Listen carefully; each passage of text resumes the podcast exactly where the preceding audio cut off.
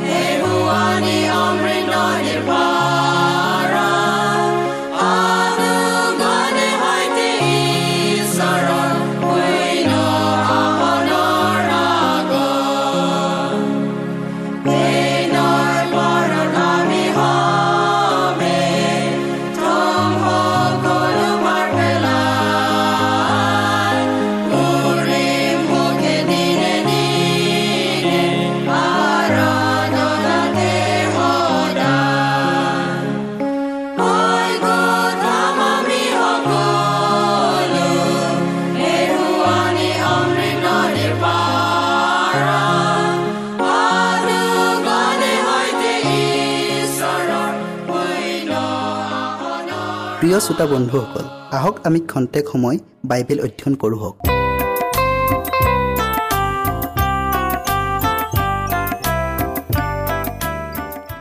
অনুতাপ মানুহ ঈশ্বৰৰ আগত কেনেকৈ শুদ্ধ হ'ব পাৰে আৰু পাপীক কেনেকৈ উদ্ধাৰ কৰি সূচী আৰু নিৰ্মল কৰিব পাৰে ঈশ্বৰৰ সৈতে মিল হ'বলৈ একমাত্ৰ খ্ৰীষ্টৰ যোগেদি ধাৰ্মিকতা লাভ কৰি তেওঁৰ ওচৰলৈ যাব পাৰি।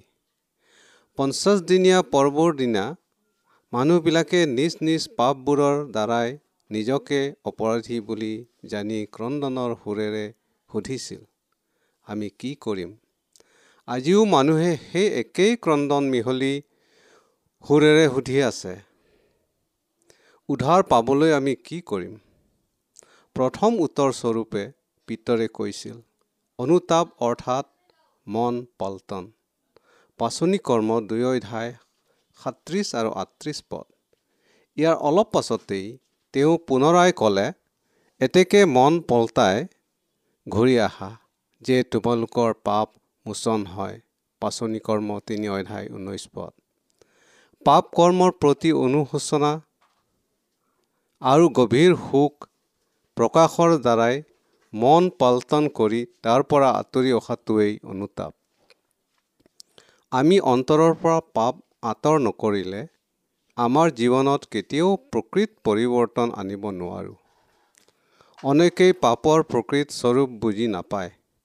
অনেকে পাপৰ পৰিণাম ভোগ কৰাৰ ভয়ত বাহ্যিকভাৱে পাপ কৰ্মৰ সুখ প্ৰকাশ কৰি পৰিৱৰ্তন হোৱা দেখুৱায়। কিন্তু এয়াই ঈশ্বৰৰ বাক্যৰ ওপৰত আধাৰিত অনুতাপ নহয়। এনে মনোবৃত্তিৰ লোকবিলাকে পাপৰ সলনি বৰং যন্ত্ৰণা ভোগৰ পৰিণাম কেনে ভয়াৱহ হ'ব তাৰ নিমিত্তেহে বিলাপ কৰে। চিৰকালৰ নিমিত্তে জ্যেষ্ঠাধিকাৰ হেৰুৱা এছৱেও এনে সুখ প্ৰকাশ কৰিছিল। হাতত খোলা তৰোৱাল লৈ বাট আগচি ধৰা দূতৰ আগত নিজৰ জীৱন হেৰুৱাৰ ভয়ত বালমে নিজৰ দুখ স্বীকাৰ কৰিলে কিন্তু পাপ স্বীকাৰ কৰি অনুশোচনা নকৰিলে নিজৰ কুকৰ্মক ঘৃণা নকৰিলে। স্কৰতীয়া যীশুদাও নিজৰ প্ৰভুৰ প্ৰতি বিশ্বাসঘাতকতা কৰি বাৰ্ষিক অনুশোচনাৰে কৈছিল নিৰ্দোষীৰ তেজ সোধাই দিয়াত মই পাপ কৰিলোঁ। মুঠি সাতাইছ অধ্যায় তিনি পদ। যীহুদাৰ এই পাপ স্বীকাৰ তেওঁৰ অন্তৰৰ গভীৰ স্থানৰ পৰা ওলোৱা নাছিল বৰং নিষ্কলংকিত ঈশ্বৰৰ পুত্ৰক অৰ্থাৎ ইছৰাইল পবিত্ৰজনাক অস্বীকাৰ কৰাৰ পৰিণাম কি হ'ব পাৰে তাকে জানি বাৰ্ষিক ৰূপেহে দুখ স্বীকাৰ কৰিছিল। ফৰণেও ঈশ্বৰে তেওঁক দিয়া শাস্তিৰ পৰা হাত সাৰিবলৈ নিজ পাপ স্বীকাৰ কৰিছিল। কিন্তু মহামাৰী বা উৎপাত বন্ধ হোৱাৰ লগে লগে পুনৰ ঈশ্বৰক অৱজ্ঞা কৰিবলৈ ধৰিলে। এই আটাইবিলাক পাপৰ নিমিত্তে বিলাপ বা বিননি আছিল কিন্তু পাপৰ কাৰণে অনুতাপ কৰা নাছিল। যেতিয়াই ঈশ্বৰৰ আত্মাই মানুহৰ হৃদয়ত প্ৰভাৱ বিস্তাৰ কৰে তেতিয়াই তেওঁক ঈশ্বৰৰ পবিত্ৰ আৰু ন্যায় বিধানৰ প্ৰতি সচেতন হ'বলৈ তেওঁৰ বিবেক সজাগ কৰি দিয়ে। আৰু এই বিধানেই স্বৰ্গ আৰু মৰ্তৰ প্ৰতি ঈশ্বৰৰ সাহসীয় নিয়ম প্ৰণালী। আটাই মানুহক পোহৰ দিওঁতা স্বৰূপ পোহৰ জগতলৈ আহি আছিল জোহন এক অধ্যায় ন পদ। সেই পোহৰে মানুহৰ হৃদয়ৰ প্ৰতি গোপন ঠাইখনকো আলোকিত কৰি মানুহৰ মনৰ অন্ধকাৰ দূৰ কৰে। আৰু তেতিয়াই মানৱে দেখা পায় ঈশ্বৰৰ প্ৰেম পবিত্ৰতা সৌন্দৰ্য নিৰ্মলতাৰ আনন্দ আৰু সি নিৰ্মল হৈ থাকিবৰ ইচ্ছা কৰে আৰু পুনৰাই ঈশ্বৰৰ লগত চলাচল কৰে। দেও পাপ কৰি পাপৰ কাৰণে প্ৰকৃত অনুশোচনাৰে কৰা প্ৰাৰ্থনাত দেখা যায় যে তেওঁ সঁচাকৈয়ে ক্ৰদন আৰু চকুলোৰে অন্তকৰণেৰে নিজৰ দুখ স্বীকাৰ কৰি অনুতাপ কৰিছিল। তেওঁ অকল পাপৰ ক্ষমা পাবলৈ নহয় কিন্তু অন্তৰ সুধীৰ অৰ্থেও প্ৰাৰ্থনা কৰিছিল যাতে ঈশ্বৰে সৈতে পুনৰাই মিল হ'ব পাৰে। তেওঁৰ অন্ত আত্মা প্ৰাৰ্থনা আছিল এনেধৰণৰ। ধাৰ অপৰাধ ক্ষমা কৰা হয় যাৰ অপৰাধ ঢকা হয় সেইজন ধন্য। যি মানুহৰ দুখ জিহুৱাই নিলিখে আৰু যাৰ মনত প্ৰবঞ্চনা নাই সেইজন ধন্য। গীতমালা বত্ৰিছ অধ্যায় এক আৰু দুই পদ। হে ঈশ্বৰ তোমাৰ দয়া অনুসাৰে মোক কৃপা কৰা। তোমাৰ প্ৰচুৰ অনুগ্ৰহৰ দৰে মোৰ পাপমোচন কৰা। মোৰ অধৰ্মৰ পৰা মোক সম্পূৰ্ণ ধুই পেলোৱা। মোৰ পাপৰ পৰা মোক সূচী কৰা। কিয়নো মোৰ অপৰাধবোৰ মই নিজেই জানিছোঁ। মোৰ পাপ সদায় মোৰ আগত আছে। তুমি তোমাৰ বাক্যত ধাৰ্মিক আৰু তোমাৰ বিচাৰত নিৰ্দোষী খবৰ নিমিত্তে তোমাৰ বিৰুদ্ধে অকল তোমাৰেই বিৰুদ্ধে মই পাপ কৰিলোঁ। আৰু তোমাৰ দৃষ্টিত যি ঘীনলগীয়া তাকে কৰিলোঁ। চোৱা অকস্মাতে মোৰ জন্ম হ'ল। অধৰ্মতে মোৰ জন্ম হ'ল। মোৰ মাতৃয়ে মোক পাপতে গৰ্ভধাৰণ কৰিলে। চোৱা তুমি আন্তৰিক সত্যতাত সন্তোষ পাওঁতা। তুমি মোক অন্তৰত জ্ঞান শিক্ষা দিবা। তুমি এচুৰ বনেৰে মোক পাপৰ পৰা মুক্ত কৰা তাতে মই সুচী হ'ম। মোক ধোৱা তাতে মই সীমতকৈও বগা হ'ম। তুমি গুৰি কৰা অস্থিবোৰ যেন উল্লাসিত হয়। এই নিমিত্তে তুমি মোক উল্লাস আৰু সৰিষৰ ঢবনি শুনোৱা। মোৰ পাপসমূহৰ পৰা তোমাৰ মুখ ঢাকা। মোৰ সকলো অধৰ্ম মোচন কৰা। সেই ঈশ্বৰ মোৰ শুদ্ধ মন সৃষ্টি কৰা। মোৰ অন্তৰত সুস্থিৰ আত্মা পুনৰাই জন্মোৱা। তোমাৰ সন্মুখৰ পৰা মোক দূৰ নকৰিবা। তোমাৰ পবিত্ৰ আত্মা মোৰ পৰা নিনিবা। তোমাৰ পৰিত্ৰাণৰ আনন্দ মোক পুনৰাই দান কৰা আৰু উদাৰ আত্মা দি মোক ধৰি ৰাখা। তাতে মই অপৰাধীবোৰক তোমাৰ পথ শিকাম। আৰু পাপীবোৰ তোমালৈ পলটিব। হে ঈশ্বৰ হে মোৰ পৰিত্ৰাণৰ ঈশ্বৰ ৰক্তপাতৰ দুখৰ পৰা মোক উদ্ধাৰ কৰা। তাতে মোৰ জীয়াই তোমাৰ ধাৰ্মিকতাৰ বিষয়ে বৰ মাতেৰে গান কৰিম। গীতমালা একাৱন্ন অধ্যায় একৰ পৰা চৈধ্য পদ। ঈশ্বৰৰ আত্মাই আমাৰ অন্তৰৰ স্পৰ্শ নকৰিলে এনে হৃদয় বিদাৰক অনুশোচনা আমাৰ নিজৰ শক্তিৰ দ্বাৰাই অসম্ভৱ। এইখিনিতে উল্লেখ কৰিব পাৰি যে খ্ৰীষ্টই মানুহক পাপৰ পিটনিৰ পৰাও উদ্ধাৰ কৰিব পাৰে। এই সত্য কথাষাৰ অনেকে ভুল বুজে। তেওঁবিলাকে ভাবে অনুতাপ নকৰা মানে মানুহে খ্ৰীষ্টৰ ওচৰলৈ আহিব নোৱাৰে আৰু সেই অনুতাপ ক্ষমাৰ যোগ্য হ'ব লাগিব। প্ৰকৃততে এয়া সঁচা যে পাপৰ ক্ষমা পোৱাৰ আগেয়ে অনুতাপ কৰিবই লাগিব। ভগ্ন আৰু অনুতপ্ত হৃদয়ত ক্ৰন্দনেহে পাপৰ মুক্তিৰ কাৰণে উদ্ধাৰকৰ্তা প্ৰয়োজন বুলি অনুভৱ কৰিব। এতিয়া কথা হ'ল পাপীজনে যীশুৰ সন্নিধানলৈ নহালৈকে অনুতাপ কৰিবলৈ বাট চাই থাকিব। এতিয়া কথা হ'ল পাপীজনে যীশুৰ সন্নিধানলৈ নহালৈকে অনুতাপ কৰিবলৈ বাট চাই থাকিব। লাগে নেকি? নে পাপী আৰু উদ্ধাৰকৰ্তাৰ মাজতে অনুতাপ পৃথকতাৰ এক প্ৰতিবন্ধস্বৰূপ হৈ থাকিব দিব লাগিব? বাইবেলে শিকোৱা নাই? যে খ্ৰীষ্টৰ আমন্ত্ৰণ গ্ৰহণ কৰাৰ পূৰ্বে পাপীয়ে অনুতাপ কৰিব লাগিব। সেই পৰিশ্ৰান্ত আৰু ভাৰক্ৰান্ত লোকসকল মোৰ ওচৰলৈ আহা। মই তোমালোকৰ জিৰণি দিম। মুঠি এঘাৰ অধ্যায় আঠাইছ পদ। এয়ে খ্ৰীষ্টৰ ঐশ্বৰিক গুণ যিহে মানুহক প্ৰকৃত অনুতাপলৈ প্ৰবৃত্তি জন্মায়। এই বিষয়ে পিতৰে আৰু অধিকভাৱে ইছৰাইলবিলাকক স্পষ্ট কৰি কৈছিল ইছৰাইলবিলাক মন পল্টন আৰু পাপমোচন দান কৰিবলৈ অধিপতি আৰু ত্ৰাণকৰ্তা কৰি তেওঁৰ সোঁ হাতেৰে ওখ পদ দিলে। পাচনি কৰ্ম পাঁচ অধ্যায় একত্ৰিছ পদ। তেৱেই আটাই শুদ্ধ অনুপ্ৰেৰণাৰ উৎস আৰু আমাক অন্তৰত পাপৰ বিৰুদ্ধে শত্ৰুতা উৎপন্ন কৰিব পাৰে। যীশুৱে কৈছিল আৰু মই পৃথিৱীৰ পৰা উত্তোলিত হ'লে সকলোকে মোৰ ওচৰলৈ আকৰ্ষণ কৰিম। জোখন বাৰ অধ্যায় বত্ৰিছ পদ।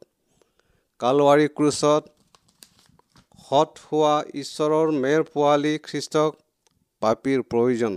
পাপীৰ হকে নিজৰ জীৱন উৎসৰ্গ কৰি খ্ৰীষ্টই এনে এক প্ৰেমৰ প্ৰকাশ দিলে যাক মৰ্তৰ ভাষাৰে বুজাব নোৱাৰি। মানুহ যেতিয়া নিজ পাপৰ কাৰণে অনুতপ্ত হয় তেতিয়া খ্ৰীষ্টৰ ধাৰ্মিকতাৰ বিষয়ে উপলব্ধি কৰি কয় পাপ কি? ইয়াৰ কবলত পৰাজনে কিয় মুক্তিৰ অৰ্থে বলি উৎসৰ্গ কৰিব লাগে? আমি কোনেও নষ্ট নহৈ অনন্ত জীৱন পাবৰ নিমিত্তেই কি এই মহান প্ৰেম নিদাৰুণ যন্ত্ৰণা আৰু অৱমাননাৰ দাবী? পাপীজনে ঈশ্বৰৰ এই মহান প্ৰেম প্ৰত্যাখ্যান কৰি খ্ৰীষ্টৰ ওচৰলৈ আহিবলৈ অসন্মত হ'ব পাৰে। কিন্তু যেতিয়াই পাপৰ পৰা মুক্তি পোৱাৰ পৰিকল্পনাৰ বিষয়ে জ্ঞাত হয় তেতিয়াই তেওঁ অনুতপ্ত আৰু ভগ্ন হৃদয় সহিত ক্ৰুচৰ ওচৰলৈ আহিব। আৰু তেওঁৰ নিমিত্তে যন্ত্ৰণা ভোগ কৰা ঈশ্বৰৰ প্ৰিয় পুত্ৰ শৰণাগত হ'ব। ভগ্ন হৃদয়ত সহিত ক্ৰুচৰ গুৰিলৈ আহিব। আৰু তেওঁৰ নিমিত্তে যন্ত্ৰণা ভোগ কৰা ঈশ্বৰৰ প্ৰিয় পুত্ৰ শৰণাগত হ'ব। কিয়নো তেওঁ নিজকে সমস্ত মনেৰে সৎ পথলৈ আহিবলৈ যি প্ৰচেষ্টা কৰিছে এয়া একমাত্ৰ খ্ৰীষ্টৰ শক্তিয়েহে প্ৰেৰণা যোগায়। তেওঁৰ ওচৰলৈ আহিবলৈ আমন্ত্ৰণ জনাইছে। মানুহে আত্মিক বিষয়ত হাবিয়াস কৰা বস্তু জগতে কেতিয়াও দিব নোৱাৰে। শক্তি আনন্দ অনুগ্ৰহ পবিত্ৰতা এই আটাইবিলাক ঈশ্বৰৰ পৰাইহে হয়। জগতৰ ভগা পাত্ৰৰ পৰা যিবিলাকে জলপান কৰি বৃথাই পিয়াস গুচাব খুজিছে সিবিলাকলৈ এই ঐশ্বৰিক বাণীৰ যোগেদি জনোৱা হৈছে।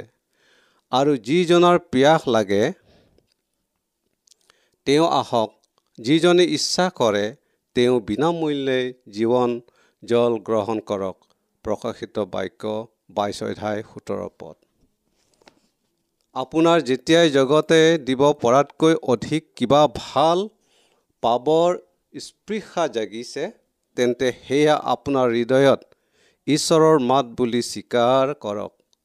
অনুতাপ বা খেদ কৰিবলৈ তেওঁৰ পৰা শক্তি খোজক যেন খ্ৰীষ্টই তেওঁৰ শুদ্ধ পবিত্ৰতাৰে আৰু মহান প্ৰেমেৰে আপোনালৈ নিজকে প্ৰকাশ কৰিব পাৰে।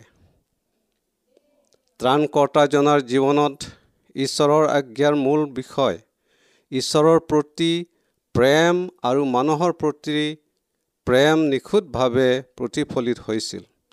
আনৰ প্ৰতি দয়া হোৱা নিস্বাৰ্থ প্ৰেমেই তেওঁৰ আত্মাৰ জীৱন আছিল।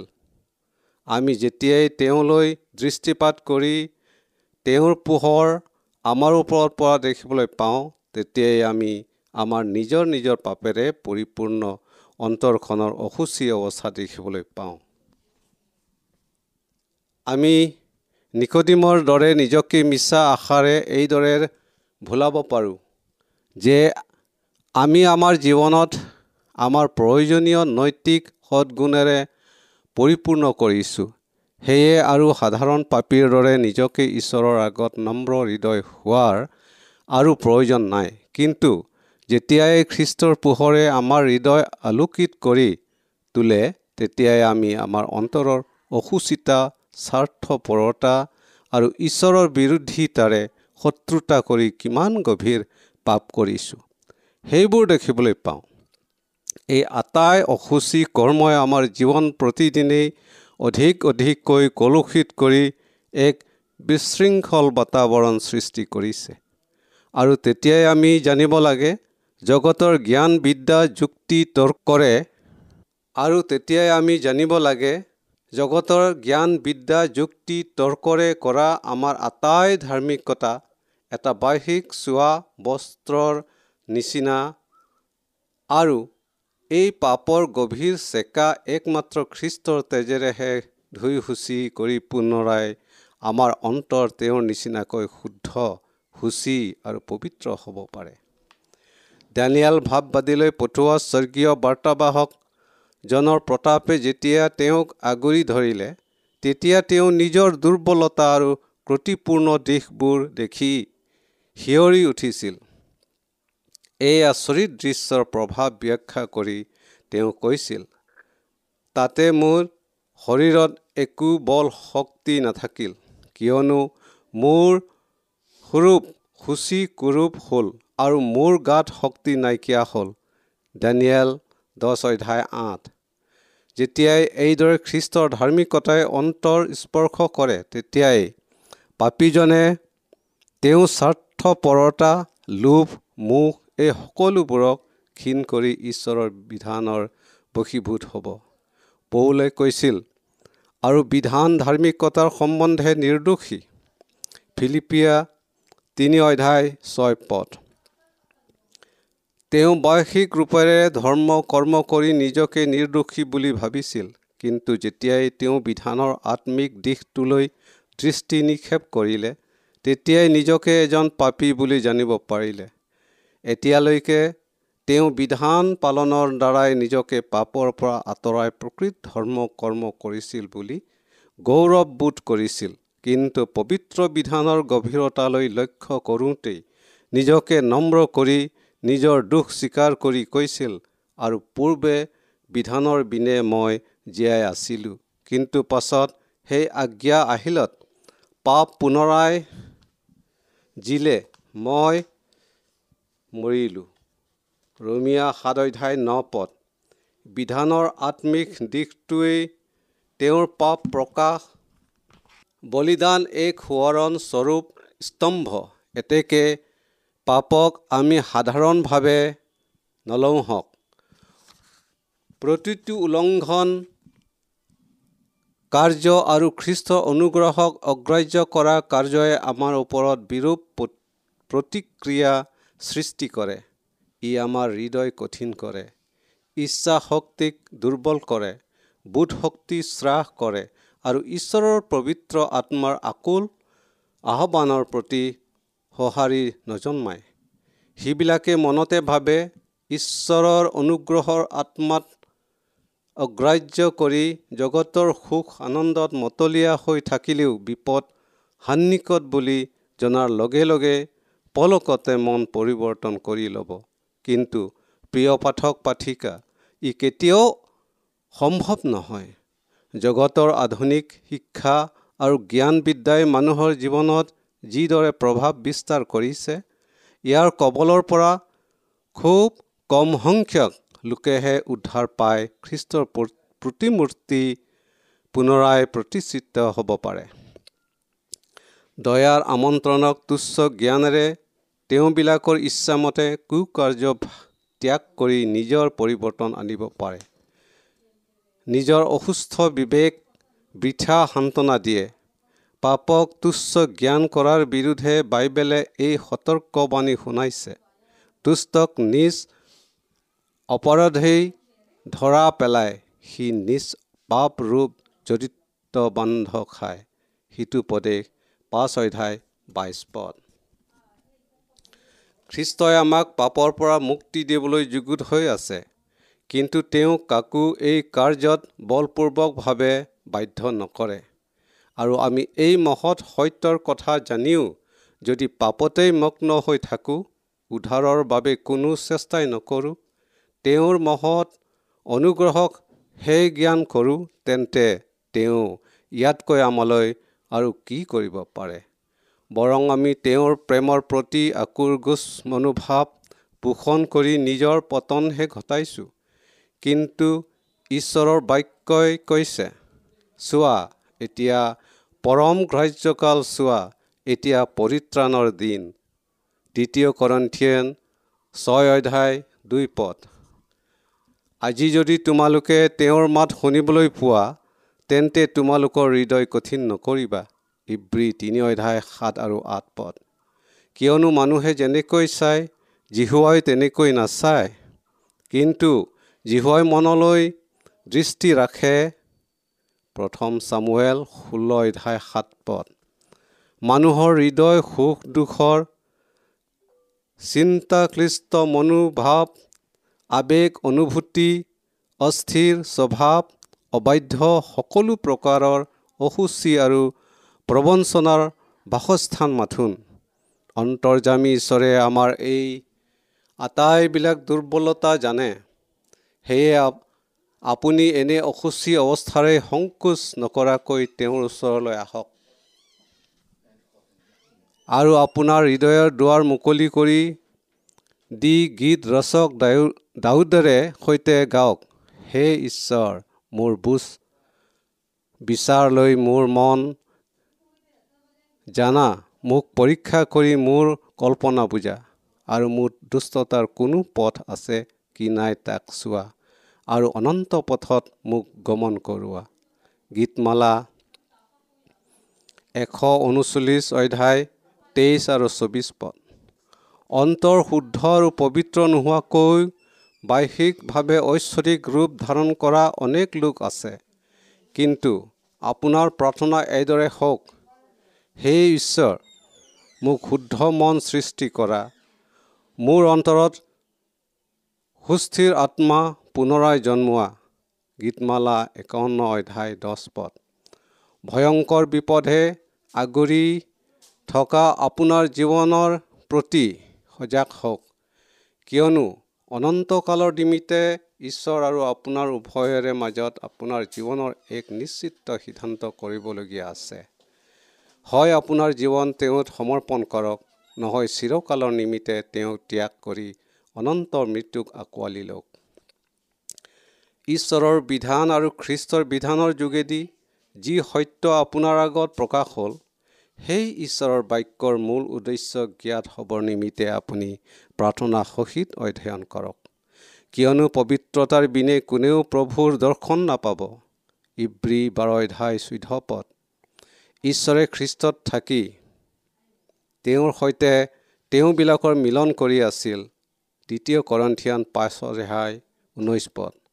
ছয়তানে যেতিয়াই তাৰ স্বাৰ্থ সিদ্ধিৰ কাৰণে আপোনাক এজন মহাপাপী বুলি কয় আপুনি সেই মুহূৰ্ততে আপোনাৰ উদ্ধাৰকৰ্তা মনলৈ সেই মুহূৰ্ততে আপোনাৰ উদ্ধাৰকৰ্তাজনলৈ সৃষ্টি নিক্ষেপ কৰক। আপোনাৰ নিজৰ পাপবোৰ স্বীকাৰ কৰক। কিন্তু আপোনাৰ শত্ৰুক হ'লে কওক পাপী লোকৰ পৰিত্ৰাণ কৰিবৰ কাৰণে যীশুখ্ৰীষ্ট জগতলৈ আহিছিল। প্ৰথম তিমুঠি এক অধ্যায় সোতৰ পথ আপুনি তেওঁৰ মহান প্ৰেমৰ দ্বাৰাই যেন উদ্ধাৰ পায় যীশুৱে চিমুনক দুজন ধৰুৱাৰ বিষয়ে এটা প্ৰশ্ন সুধিছিল। মহাজনক পৰিশোধ কৰিবলগীয়া এজনৰ অলপমান আৰু আনজনৰ অধিক ঋণ আছিল। কিন্তু সিবিলাকে ঋণ পৰিশোধ কৰিব নোৱাৰাত মহাজনে দুয়োৰো ঋণ ক্ষমা কৰিলে। এই কথা কৈ যীশুৱে চিমুনক সুধিলে মহাজনে দুজনৰ কাক বেছি প্ৰেম কৰিলে? আৰু চিমুনে উত্তৰ দি ক'লে যিজনৰ অধিক ধাৰ আছিল তেওঁকেই। লোক সাত অধ্যায় তেয়াল্লিছ পদ। তদ্ৰূপ আমিও পাপৰ ধাৰত পোত গৈ থকা অৱস্থাত খ্ৰীষ্টই কালবাৰীৰ ক্ৰুচত আমাৰ পাপৰ ধাৰ খুজিলে।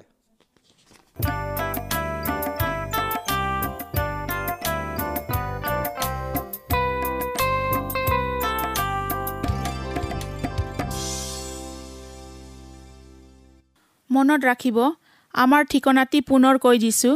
Adventist world radio' Assam region of seven day Adventist voice of hope Latakata. Basistha Guwahati seven eight one zero' two nine প্ৰিয় শ্ৰোতা বন্ধুসকল এডভেণ্টিজ ৱৰ্ল্ড ৰেডিঅ' যোগে আহাৰবাণী প্ৰচাৰত আপোনালোকক পুনৰ লগ পোৱাৰ আহাৰে আজিলৈ সামৰিলোঁ। ধন্যবাদ।